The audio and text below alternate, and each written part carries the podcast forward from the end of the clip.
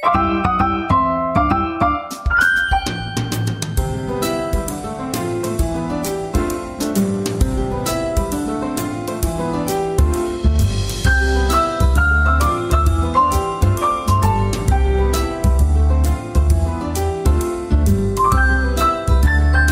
maats, welkom by nog 'n episode van Opskud.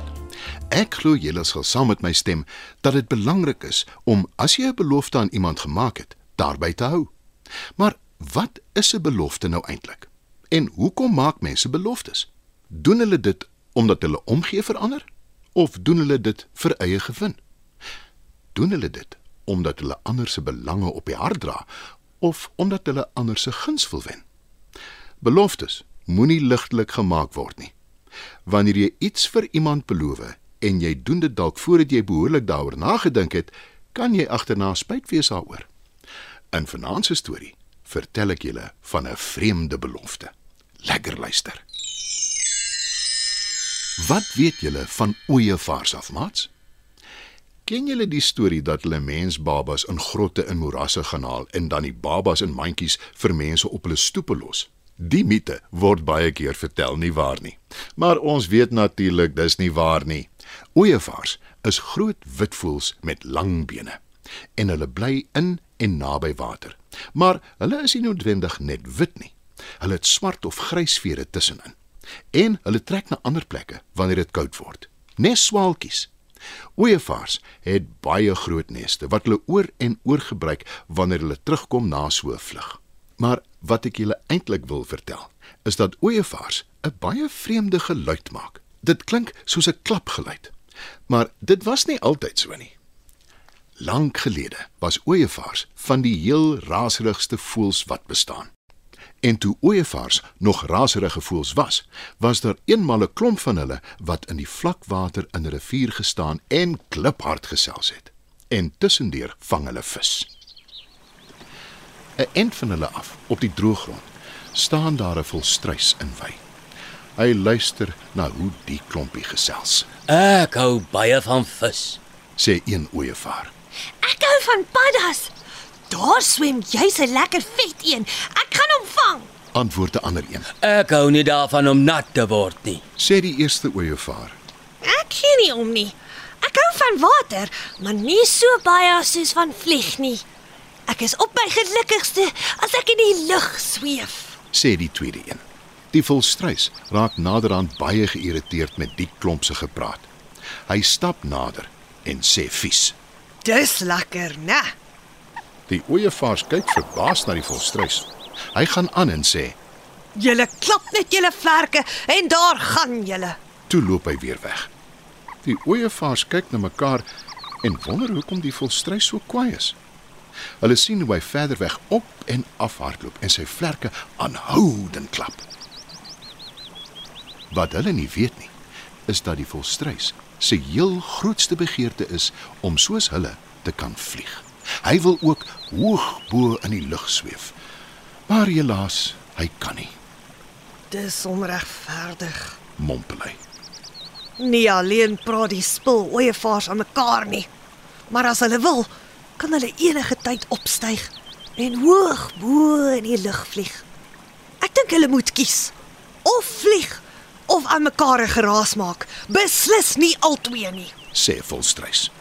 Toe loop hy terug rivier toe en sê vir die ooievaars, hy dink hulle moet saam met die ou groot krokodil gaan praat en sy raad vra. Hy is baie oud en hy weet alles. Die ooievaars kyk na mekaar en sukkel om nie uit te bars van die lag nie, maar hulle stem in. Die hele klomp gaan praat toe met die krokodil. Ek is ook lankal moeg vir die ooievaar se aanhoudende gekletsery. sê krokodil. 'n Kraai wat daar naby in 'n boom sit, stem heel hartig saam. Wat gaan ons daaraan doen? kruis die kraai. Die klomp kom toe ooreen dat die ooievaars van nou af hulle eislike groot bekke moet toehou. Die arme ooievaars voel so sleg omdat al die diere saamstem dat hulle te veel geraas maak, dat hulle plegtig beloof van nou af is hulle bekke bot toe. Toe gaan staan hulle druipstert eenkant Nie een enkele een maak hulle bekke oop nie. Hulle staan net in die vlak water en staar voor hulle uit. Die volstruis is baie in sy skik. Nou kan hy in vrede en stilte oefen om te vlieg. Hy klap sy vlerke en hardloop op en af. Maar soos gewoonlik gebeur daar niks nie. Hy kan nog steeds nie vlieg nie. Intussen staan die ooievaars nog steeds choopstil eenkant. Hulle bekke is ook nog steeds toe. Hulle vang nie vis nie. Hulle kyk net stip voor hulle uit. Nou begin die volstrys sleg voel. Hulle raas nou wel baie of hulle het van tevore, maar hulle moet tog eet, dink hy. Hy stap na die ooievaars toe, Maak tog oop julle bekke. sê hy. Maar julle wil dan nie hê ons moet raas nie. Antwoord een van die ooievaars. Die volstrys erken dat hy en die ander diere te erg opgetree het. Die ooievaars kan beslis nie nooit weer hulle bekke oopmaak nie. Toe kry hy 'n blink gedagte en stel voor dat hulle wel hulle bekke oopmaak om vis en paddas en so aan te vang om te vreet, maar dat hulle ophou met die al ewige gebabbel.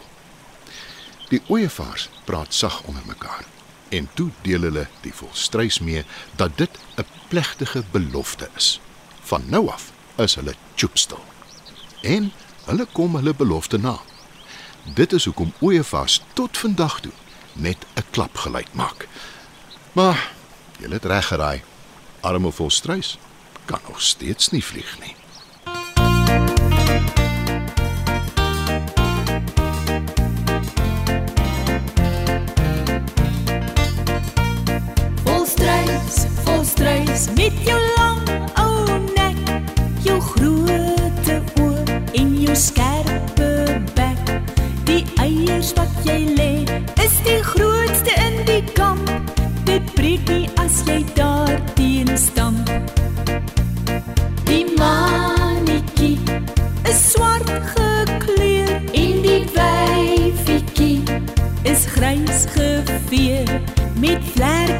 so groot, lyk dit of hul wieg as sou hardloop, want hulle kan nie vlieg. Volstrek